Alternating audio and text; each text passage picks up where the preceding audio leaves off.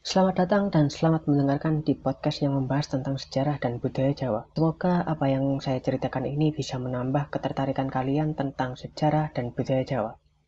Selamat mendengarkan.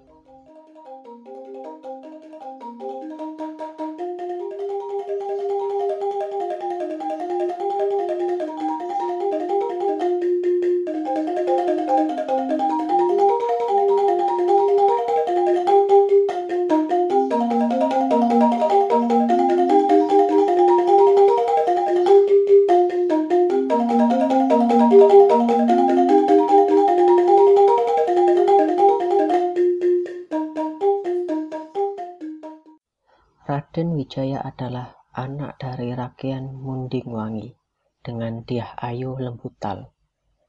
Rakyat Mundingwangi berasal dari kerajaan Sunda Galuh, sedangkan Diah Ayu Lembutal berasal dari kerajaan Tumapel dan masih memiliki darah dari keturunan Ken Angrok.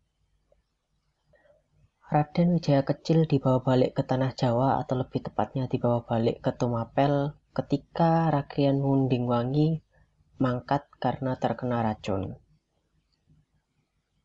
Sekarang Raden Wijaya sudah mendirikan sebuah desa yang diberi nama Majapahit dan sedang melancarkan persiapan untuk penyerangan ke Daha. Raden Wijaya dapat memperhitungkan keadaan Daha tanpa ada kekurangan dan tanpa ada celah sedikit pun. Semua diperhitungkan dengan teliti dan Majapahit masihlah berupa desa orang-orang bawaan Wiraraja yang mengadakan hubungan dengan Daha beristirahat sejenak di desa Majapahit. Sedangkan Wiraraja sendiri masih berkirim pesan kepada Raden Wijaya dan bagaimana caranya untuk memohon diri kepada Raja Jakatwang. Raden Wijaya disuruh untuk meminta izin agar pindah ke Majapahit dan Raja Jakatwang pun memperkenakannya lengah karena sudah terlanjur sayang kepada Raden Wijaya. Dan karena kepandaian Raden Wijaya mengambil hati, sepertinya sungguh-sungguh Raden Wijaya sudah tunduk kepada Jakatwang itu sendiri.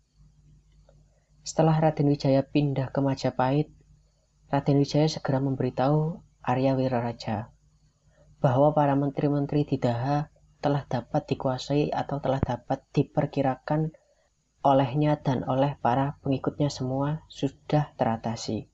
Raden Wijaya mengajak Arya Wiraraja untuk menyerang Daha, namun Arya Wiraraja menahan dan memberitahu untuk tidak tergesa-gesa karena masih ada suatu siasat yang tengah disusun. Arya Wiraraja ternyata berteman dengan Raja Tartar atau berhubungan dengan Raja Tartar dan akan menawarkan putri bangsawan menjadi tawarannya dalam pembantuan penyergapan atau penyerangan. Arya Wiraraja setelah memberitahu rencana atau siasat itu kepada Raden Wijaya, segera saja Arya Wiraraja membuat surat dan dikirimkan langsung kepada orang Tartar dan meminta bantuan untuk ikut serta dalam penyerangan Daha. Jika Raja Daha telah kalah, maka seluruh Pulau Jawa tidak ada yang menyamai.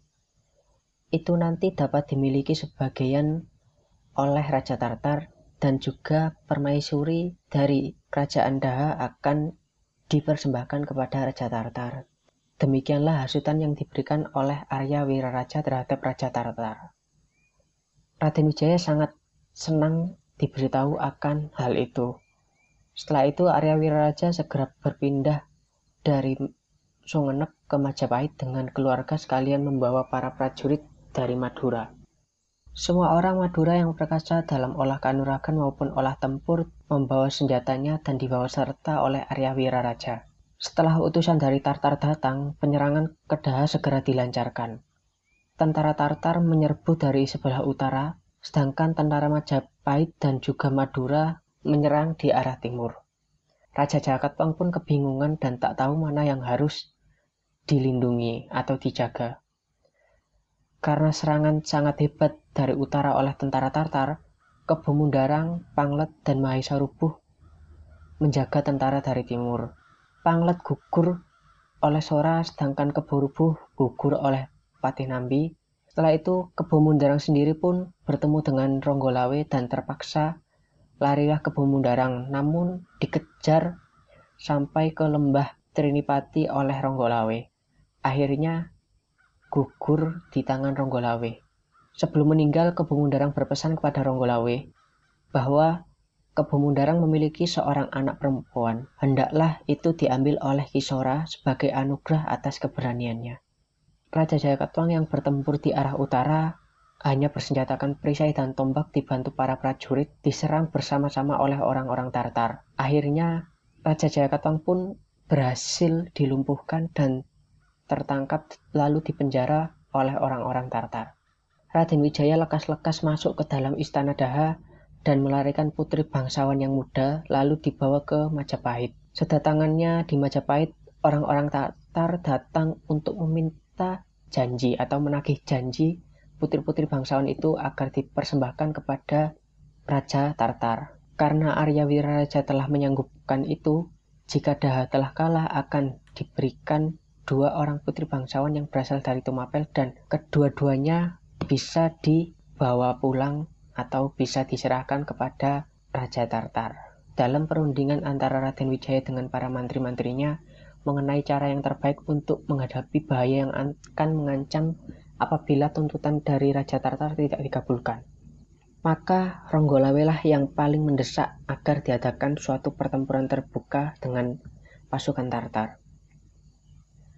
Maka bingunglah para menteri semua, mencari-cari bagaimana cara untuk mengelabui orang Tartar. Sora pun berkata, Nah, saya akan mengamuk bila mana orang-orang Tartar telah datang kemari. Dan Arya Wiraraja pun menjawab, Sesungguhnya masih ada muslihat lagi. Maka dicarilah kesanggupan-kesanggupan dan kesepakatan untuk mencari jalan tengahnya. Dan Sora pun menyatakan kesanggupannya. Tak seberapa kalau saya mengamuk orang-orang Tartar. Pada waktu sore hari, waktu matahari condong ke barat, orang-orang datang meminta putri bangsawan. Dan Wiraraja mendapatkan bagian untuk menanggapi para tentara Tartar itu. Wahai orang-orang Tartar semua, janganlah kalian tergesa-gesa. Putri-putri raja ini sedang sedih karena telah cemas melihat tentara-tentara pada waktu Tumapel kalah. Lebih-lebih kepada Daha kalah, sangat takut melihat segala apa pun yang berbau tajam. Besok pagi saja mereka akan diserahkan kepada kalian, ditempatkan ke dalam peti, diusung, dihias dengan pakaian yang indah dan cantik dan diantarkan ke kapal tuan. Mereka akan ditempatkan ke dalam sebuah peti karena mereka segan melihat barang-barang yang tajam dan yang menerimanya putri-putri bangsawan itu hendaklah jangan orang Tartar yang bersikap kasar, tetapi orang yang bagus dan lembut. Jangan sampai membawa teman, karena janji putri-putri bangsawan itu kalau sampai terjadi melihat yang serba tajam, meskipun sudah tiba di atas perahu, mereka akan nekat menerjunkan diri ke dalam air. Bukankah akan sia-sia saja bahwasanya kalian telah mempertaruhkan jiwa itu jika putri-putri bangsawan ini sampai terjun ke dalam air. Mendengar perkataan Arya Wiraraja, pasukan Tartar pun percaya dan salah seorang dari prajurit Tartar pun menjawab, sangat betul sekali perkataanmu. Sesudah datang saat perjanjian menyerahkan putri-putri bangsawan itu, orang-orang Tartar datang berbondong-bondong meminta putri-putri bangsawan yang sudah dijanjikan. Semuanya sudah mengikuti syarat dan tidak ada yang membawa senjata tajam dan permintaan dari Arawi Raja dan para mantri adalah agar kedua putri seyogianya diantar oleh satu pasukan yang tidak bersenjata. Dan ketika itu utusan dari Jawa yang menuju Tartar menyetujui usulan itu dan segera mengadakan persiapan untuk pernikahannya. Para prajurit Tartar setelah itu disambut dengan ramah di Majapahit namun sebenarnya itu adalah siasat dan mereka tidak menduga apa-apa dan tiba-tiba disergap, dibunuh, ditawan, bahkan kapal-kapal yang menunggu dilepas pantai pun dihancurkan dan diluluh lantahkan. Sekonyong-konyong orang Tartar pun diamuk habis oleh Sora dan mati semua. Ronggalawe pun mengamuk kepada mereka semua yang berada di luar Paseban. Dikejar sampai ke tempat ke mana saja mereka lari, ke Muara Cangu diikuti dan dibunuh. Kira-kira 10 hari kemudian, orang-orang Tartar pun memilih untuk mundur dan pulang tanpa membawa apa-apa. Singkat cerita, Jawat Ketwang meninggal di penjara, tempat ia menulis Kidung Wukir Polaman dan ditandai dengan kepulangannya pasukan Tartar. Sekarang Raden Wijaya sudah menjadi raja pada tahun Sakawarsa 1215 atau 1293 Masehi dengan mengambil gelar atau abiseka dengan nama Sri Kertarajasa Jayawardana dan menjadi raja pertama dalam kerajaan Majapahit. Kemudian dia mempunyai seorang anak laki-laki yang berasal dari darah petak yang bernama Raden Kologemet atau lebih dikenal dengan Sri Jayanegara. Adapun dua orang anak perempuan yang terlahir dari Gayatri yaitu Diah Gita Raja dan memiliki adik kandung yang bernama Diah Wiyat. Mungkin itu saja yang bisa saya ceritakan. Kalau ada salah kata, mohon maaf sebesar-besarnya. Kalau ada kritik maupun saran, silahkan dikirimkan ke email ataupun DM sosmedku yang sudah dicantumkan. Karena aku tahu cerita ini masih jauh akan kata kesempurnaan dan penuh dengan kekurangan. Untuk itu, dukungan dan kritik maupun saran yang membangun dari kalian sangat membantu demi perkembangan konten ke depan. Sekian dan salam perputaran.